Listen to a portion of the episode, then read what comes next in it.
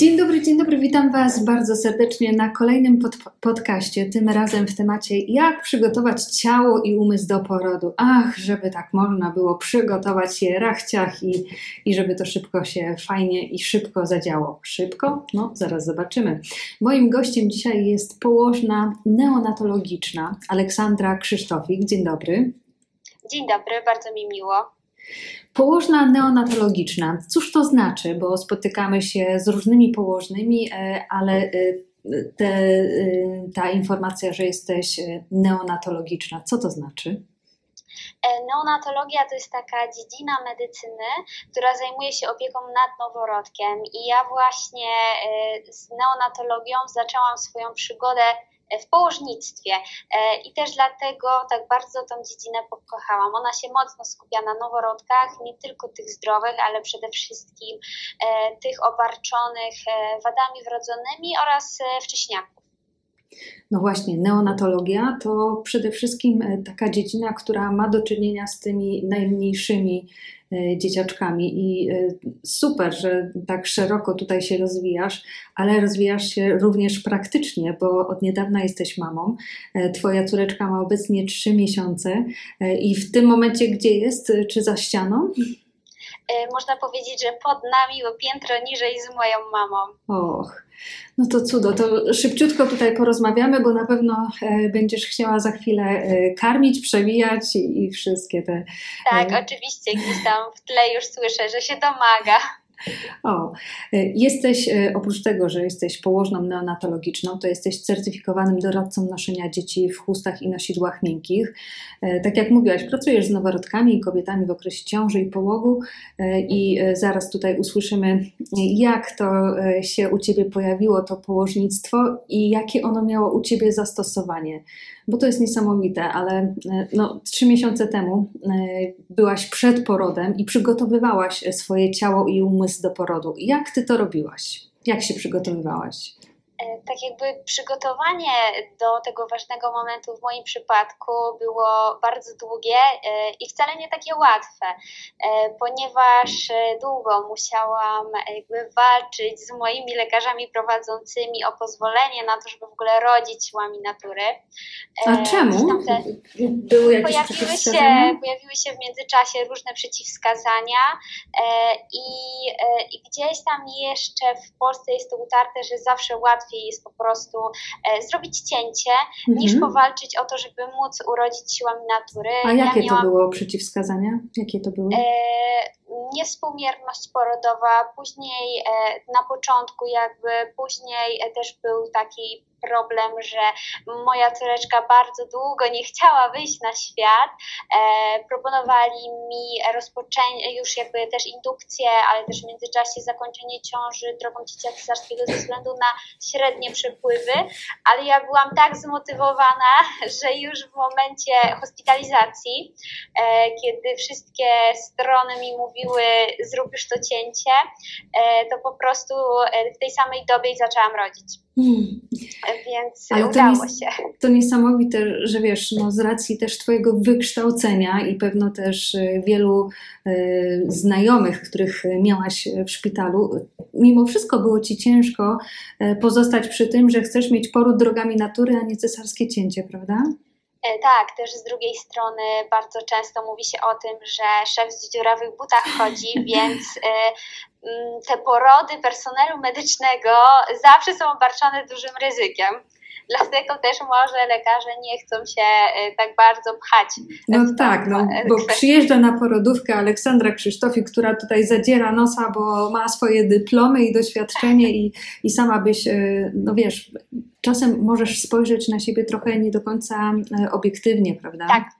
Tak, oczywiście. Myślę, że to jest podstawa i gdzieś tam ja też często szukałam potwierdzenia wśród swoich koleżanek po fachu, żeby mieć tą pewność, że, e, że po prostu mój umysł nie płata mi figle, bo gdzieś tam czasami to mhm. posiadanie zbyt dużej wiedzy w tym temacie może nie pomagać, bo jednak poród to jest czas na wyłączenie tej kory nowej, e, a powrót do naszych instynktów więc może się to nie przydać.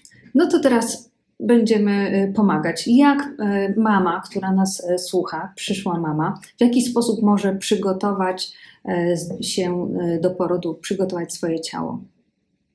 E, może zrobić bardzo dużo rzeczy. E, gdzieś tam się utarło, że to jest tylko masaż krocza, mhm. E, ale możemy zrobić dużo więcej. Zaczniemy od takich holistycznych spraw, czyli dieta. Dieta bogata w witaminę C, dlatego że ta witamina pozwala nam na produkcję kolagenu, a on odpowiada znowu za to, aby tkanki były odpowiednio elastyczne. Tak, więc, więc ta dieta ma tutaj ogromne znaczenie znaczenie, a możemy ją wprowadzić już na etapie y, planowania ciąży, tak? E, dodatkowo warto jakby uregulować swoje zaległe sprawy, czyli ustabilizować e, choroby przewlekłe takie jak cukrzyca czy nadciśnienie. To będzie miało duże znaczenie też dla w ogóle możliwości porodu siłami natury, tak? Mhm. To, co może więcej zrobić kobieta, to, są, to jest ruch. E, ale ruchy miednicą, ta ruchomość miednicy i adaptacja do warunków porodowych ma duże znaczenie, więc jeżeli dużo się ruszamy, e, dużo ruszamy tą miednicą, e, ona ma większą ruchomość, dzięki czemu robimy więcej miejsca dla dziecka. E, nasiadówki, czy kąpiele, okłady, wszystko to, co będzie wpływało na jakość tkanek krocza, będzie przygotowywało je do porodu. Nasiadówki czy okłady ciepłe, one będą rozluźniały to krocze i poprawiały krążenie, a wiemy dobrze, że jeżeli tkanka jest dobrze dokrwiona i dotleniona, to jest bardziej elastyczna. E, również przez cały okres ciąży warto jakby stosować dobre nawyki toaletowe. E, czyli to, co kobiety zwykle robią źle, mm, to jest to, że korzystając z toalety, prom w momencie, kiedy chcą oddać mocz, a powinniśmy to robić na swobodnym wydechu. E, również e, prom podczas oddawania stolca, a warto byłoby to zrobić z luzem, żeby tych mięśni bardziej nie obciążać. Zastosować też podnóżek, tak 10-20 cm takiej wysokości podnóżek, aby po prostu kolana były wyżej niż biodra dzięki czemu e, odciążamy te mięśnie i one po prostu e, będą lepiej funkcjonowały w porodzie. E, warto także walczyć z takimi obciążeniami, które pojawiają się w ciąży, czyli z bólami kręgosłupa, czy z takim uczuciem ucisku w okolicach żeber, czyli rozciąganie, otwieranie żeber. To wszystko będzie wpływało jakby na stan naszej macicy, na jej możliwości się e, i do rozciągania się, e, co jest ważne zarówno w ciąży, jak i w porodzie. Warto również udać się do fizjoterapeuty uroginekologicznego, który oceni też e, nasze mięśnie na miednicy, dzięki czemu będziemy wiedzieli, czy w ciąży mamy pracować bardziej nad tym, żeby wzmacniać te mięśnie, czy może mamy się skupiać już tylko na rozluźnianiu. Jeszcze przechodząc do samego krocza, mm, często pomijamy środek ścięgnisty, czyli jest to takie miejsce pomiędzy e, pochwą a odbytem, do którego, e, który najczęściej jest narażone na urazy krocza. E, I warto je na przykład rolować rozluźniać po prostu to miejsce. Dodatkowo, co może, możemy zastosować, to jest także herbatka z liści malin gdzieś utarło się, że ona wywołuje poród, nie jest to do końca prawda. E, ona wpływa na to, że mięsień macicy dużo lepiej funkcjonuje. I e, natomiast nie będzie to wywoływało skurczy e, macicy. E, świetnie, że to wszystko e, tutaj nam wymieniłaś, to jest bardzo ważne, czyli masaż krocza, nasiadówki, e, dieta z witaminą C, wcześniejsze choroby sprzed ciąży, w jakiś sposób ustabilizować ruch, szczególnie miednicy. Wszystko, wszystko to zapamiętujemy, ale mimo wszystko wiele mam pisze do mnie, że mają jakiś taki strach przed takim przedwczesnym porodem. Czy są jakieś sposoby, żeby uniknąć przedwczesny poród? Podczas pracy na oddziale intensywnej terapii noworodka spotkałam się z dziećmi, które rodzą się przedwcześnie z bardzo różnych powodów, naprawdę z bardzo różnych. Na wiele z nich nie mamy wpływu, A ale te, na które mamy wpływ? Oczywiście są takie, na które mamy mhm. i tutaj głównie skupiłabym się na infekcjach, dlatego że stanowią one nawet połowę przyczyn porodu przedwczesnego, tak? E, I mamy tu na myśli, na myśli nie tylko infekcje pochwy, które owszem są częste, ale także infekcje układu moczowego, e, układu y, górnych i dolnych dróg oddechowych. E, jeżeli chodzi o same infekcje pochwy, to warto nimi zapobiegać w taki sposób, żeby na przykład e, nie stosować wkładek e, jednorazowych, tylko na przykład wielorazowe, albo częściej wymieniać bieliznę, tak? Bo wkładka taka jednorazowa e, stwarza nam idealne warunki do rozwoju bakterii i grzybów. Warto również spać bez bielizny, czy spać w koszuli nocnej bardziej niż w spodniach. E, również nie stosować płynów do higieny intymnej, a jeżeli nie potrafimy z nich rezygnować, to używać je naprawdę tylko troszeczkę. Taka cała butelka powinna nam starczyć na mniej więcej rok. A czemu? Bo używanie płynów e, do higieny intymnej, takich, które mają zniszczyć właśnie jakieś bakterie, to. E, nie, nie, nie, to nie chodzi zupełnie o to. Chodzi Aha. o to, że gdzieś tak utarło się, że my mamy tam inne pH i powinniśmy stosować płyn dedykowany do, y, do okolic intymnych, a jest to nieprawda, dlatego że y, nasze pH w okolicach intymnych jest dokładnie takie same jak pH skóry, więc możemy je myć tym samym płynem, który jest y, do ciała. A sama pochwa, owszem, ma inne pH, ale jej znowu nie myjemy. Ona oczyszcza się samoistnie za pomocą wydzieliny i wręcz jej mycie może powodować, e, że wypłukujemy te bakterie e, i po prostu te zdrowe bakterie e, i nie ma ona szansy obronić się przed tymi bakteriami chorobotwórczymi oraz przed grzybami. Mhm. E, inne infekcje, które, na które powinniśmy zwracać uwagę, to, są, e, to jest próchnica. E, to jest choroba bakteryjna, która często tak naprawdę powoduje te porody przedwczesne, dlatego że nie zwracamy na to uwagi. Wydaje nam się, że nie ma związku, a sama ciąża też bardzo zwiększa ryzyko powstawania próchnicy. Chociażby dlatego, że zmienia się skład śliny, ale też dlatego, że po prostu kobiety w ciąży częściej podjadają i nie myją za każdym razem po tym zębów, co jest naturalne, no bo jeżeli e, zdarza nam się, że jemy na przykład co pół godziny, bo mamy zgagę, mhm. tak, e, no to nie mamy możliwości wszędzie ze sobą gdzieś tam myć tych zębów i tych bakterii wypłukiwać. Częstą przyczyną tych porodów przedwczesnych też jest stres i jego moglibyśmy uniknąć. E, natomiast jest to oczywiście trudne, ale przydają się tutaj e, techniki relaksacyjne. Mhm. E, zdecydowanie pomagają te, ta świadomość, to odpuszczanie w ciąży, pomaga nam ten stres zredukować. Pomaga też rozluźnić nam ciało, a nasze pospinane ciało często prowadzi do tego, że macica nam się częściej spina, więc tego też moglibyśmy uniknąć. E, nadmierna aktywność fizyczna jest też przyczyną przedwczesnych porodów, natomiast tutaj raczej już kobiety są bardzo świadome pod tym względem i unikają dźwigania, e, więc zdarza się to już rzadko. E, no i oczywiście już wcześniej wspomniane te choroby przewlekłe, cukrzyca, nadciśnienie i wiele innych, które warto byłoby w ciąży naprawdę ustabilizować, pilnować. E, one też są, są częstą przyczyną, e, a moglibyśmy czasami niedużym nakładem z nimi powalczyć. Powiedziałaś o tym, że nadmierne ćwiczenia fizyczne mogą zwiększyć szanse na szybszy poród. A jakie w ogóle ćwiczenia możemy wykonywać, które pozwolą nam przygotować się do porodu, żeby tak było tych ćwiczeń ani za dużo, ani za mało?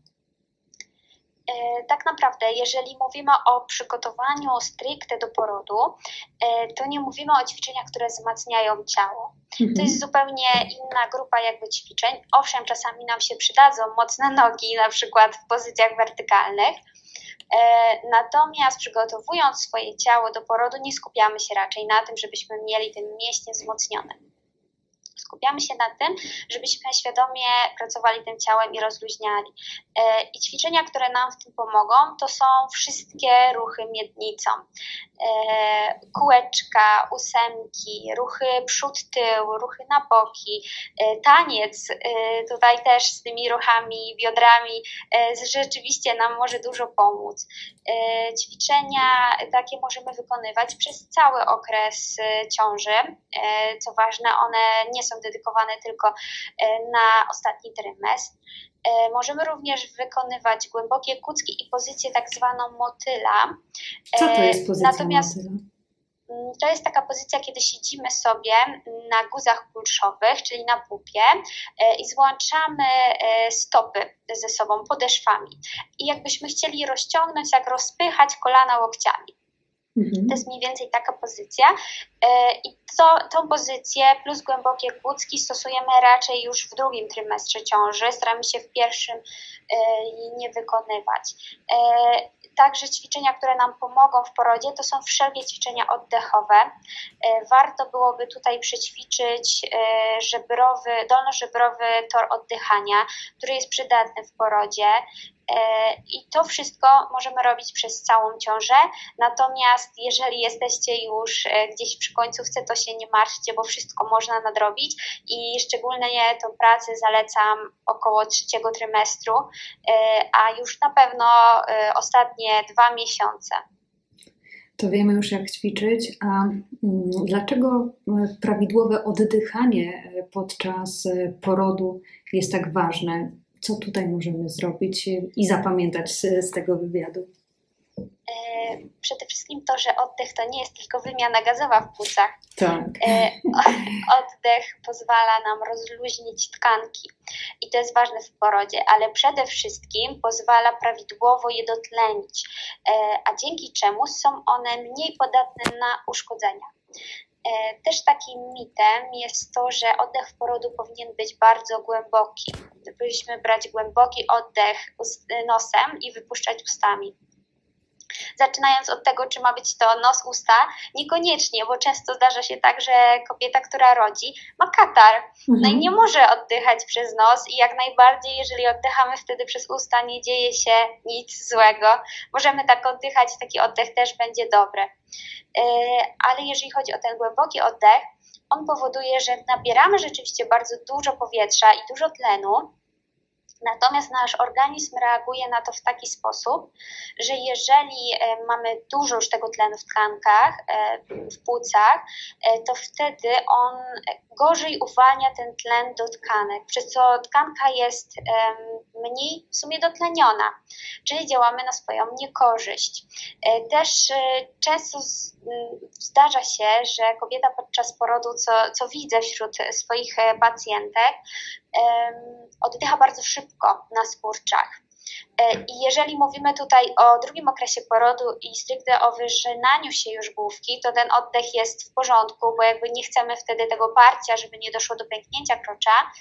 E, tak, e, w pierwszej fazie porodu nie chcemy takiego oddechu, bo dochodzi do hiperwentylacji i znowu ta tkanka nie jest tak dotleniona. Często kobiety starają się jakoś uczyć tego e, oddechu i dobrze, natomiast e, ja widzę, że pacjentki, które przygotowuję i e, one starają się być świadome, jeżeli chodzi o swoje ciało, intuicyjnie w porodzie oddychają dobrze, czyli te oddechy są takie średnie, ani płytkie, ani głębokie. E, oddech jest wydłużony, wydech jest wydłużony, e, ale one sobie świetnie radzą i nie trzeba je instruować, bo mają tą świadomość swojego ciała. Właśnie, mają świadomość swojego ciała. Wiesz, trudno to wszystko spamiętać. E, I powiedz, jak to jest w praktyce? Czy położna na porodówce będzie mi przypominać, gdzie i w jaki sposób oddychać, żeby to prawidłowe oddychanie podczas e, porodu e, było przeze mnie wykonywane?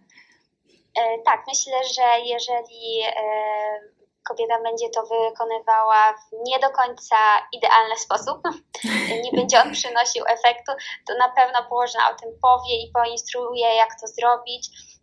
I wtedy słuchajcie się położnych po prostu. Tak, tak. Myślę, a czy, a tak, czy zgadzać jest... się na nacięcie krocza? Jakie są e, tak naprawdę wskazania do nacięcia? To jest bardzo kontrowersyjne pytanie. E, często jest tak, że mamy piszą do mnie e, rozżalone, że nie powinno być nacięcia, a było i że ta położna to zrobiła wręcz e, specjalnie. E, czy to prawda? Czy jest lepsze pęknięcie, czy nie? Jak to jest? Tak, to jest bardzo ważne pytanie. Mhm. Też obecnie właśnie na porodówkach jest taka walka o to, e, aby rozwiać te wszystkie mity. Mhm. I e, tak naprawdę e, każda rodząca powinna wiedzieć to, co zaraz powiem. Dlatego, że rewolucje wszystkie najskuteczniej idą, jeśli idą od dołu, czyli jeżeli pacjentka wymaga, to wtedy jesteśmy w stanie to zmienić, a jeżeli nikt od nas tego nie wymaga, to jest to trudne, jest to trudne w każdej branży, nie tylko w medycynie. E, ale jeżeli chodzi o samo nacięcie krocza, e, ja też walczę z tym, żeby moje pacjentki nie zgadzały się na rutynowe nacięcie krocza, e, mhm. Ale co to jest to rutynowe nacięcie krocza? Bo łatwo tak powiedzieć, ale trudniej zdefiniować kobietom, które dopiero jakby wchodzą w tą tematykę. E, rutynowe nacięcie krocza, czyli takie bez wskazań medycznych, a obecnie e, jedynym wskazaniem medycznym jest zagrażająca zamartwica płodu, czyli kolokwialnie mówiąc zły stan dziecka. E, jeżeli chcemy, żeby do porodu doszło teraz, natychmiast już, bo dziecko jest w ciężkim stanie, to wtedy e, należy naciąć krocze i dochodzi do szerokiego nacięcia krocza, często zastosowania próżnociągu czy kleszczy, po to, aby dziecko szybciutko wyciągnąć i móc zacząć e, je ratować, tak? Ale żadna inna sytuacja nie jest wskazaniem do, cięcia, do nacięcia krocza. Tak? Dlaczego? Dlatego, że nacięcie wcale nie jest lepsze niż pęknięcie. Po pierwsze, i myślę, że to wie większość medyków, e, że rana, która e, pękła, e, znaczy rana, która powstała w wyniku pęknięcia, będzie dużo lepiej się goiła niż rana nacięta. I wbrew pozorom, nacięcie krocza też nie będzie nas chroniło przed na przykład niewstrzymaniem moczu czy wypadaniem narządów rodnych. Tak? To, że natniemy krocze, to nie znaczy, że do tego nie dojdzie jakby więcej czynników na to wpływa. E, natomiast też często zdarza się tak, że widzimy podczas wyżynania się główki dziecka, mhm. że jest duże ryzyko, że to, na, że to pęknięcie nastąpi, ale suma summarum okazuje się, że nie nastąpiło. Czyli jeżeli e, w tym momencie byśmy nacięli te krocze, to to by było świadome uszkodzenie ciała, a tego nie chcemy. Tkanki naprawdę nasze kobiece potrafią bardzo dużo, tym bardziej mm. jeśli są świetnie do tego przygotowane. E, I często też, nawet jeżeli dochodzi rzeczywiście do pęknięcia, to to pęknięcie jest niewielkie. E, to są tylko śluzówki na przykład. A nacięcie krocza to już jest pęknięcie drugiego stopnia. E, zdarza się również też tak, że do, mimo nacięcia dochodzi do pęknięcia w zupełnie innym miejscu. E, a też zdarza się tak, że to nacięcie e, jakby wydłuży linię pęknięcia. E, więc również to nas przed niczym nie uchroni. Więc ja swoim pacjentkom zawsze mówię, żeby nie zgadzały się na nacięcie krocza, tylko w sytuacji zagrożenia ze strony dziecka. Mhm. Jest ono jakby zalecane, tak? A poza tym to to jestem za tym, aby nie nacinać krocza. I Miałaś nacinane krocza podczas nie. swojego porodu? Nie, nie. U nas udało się naprawdę. A Miałam pros, prosili poród. ciebie, żeby się nacina, że chcą naciąć krocze? Yy, nie, nie, ja z, jakby z góry nie wyraziłam na to zgody. Mhm. E, wchodząc, mimo że już weszłam w bardzo zaawansowanym etapie, mhm. to z góry powiedziałam, że nie ma mowy. Natomiast mhm. personel był w tym kierunku bardzo dobrze wykształcony, więc nie miałam problemów żadnych.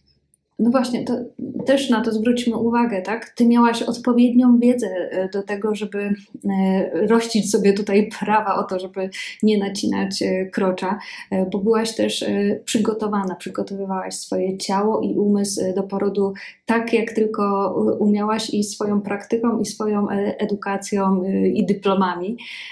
To na koniec przypomnijmy, co jest najważniejsze, tak? Bo słuchają nas przyszłe mamy, które chcą świetnie przygotować ciało i umysł do porodu. Wymieńmy jeszcze raz na podsumowanie, proszę, e, i, i e, te wszystkie informacje.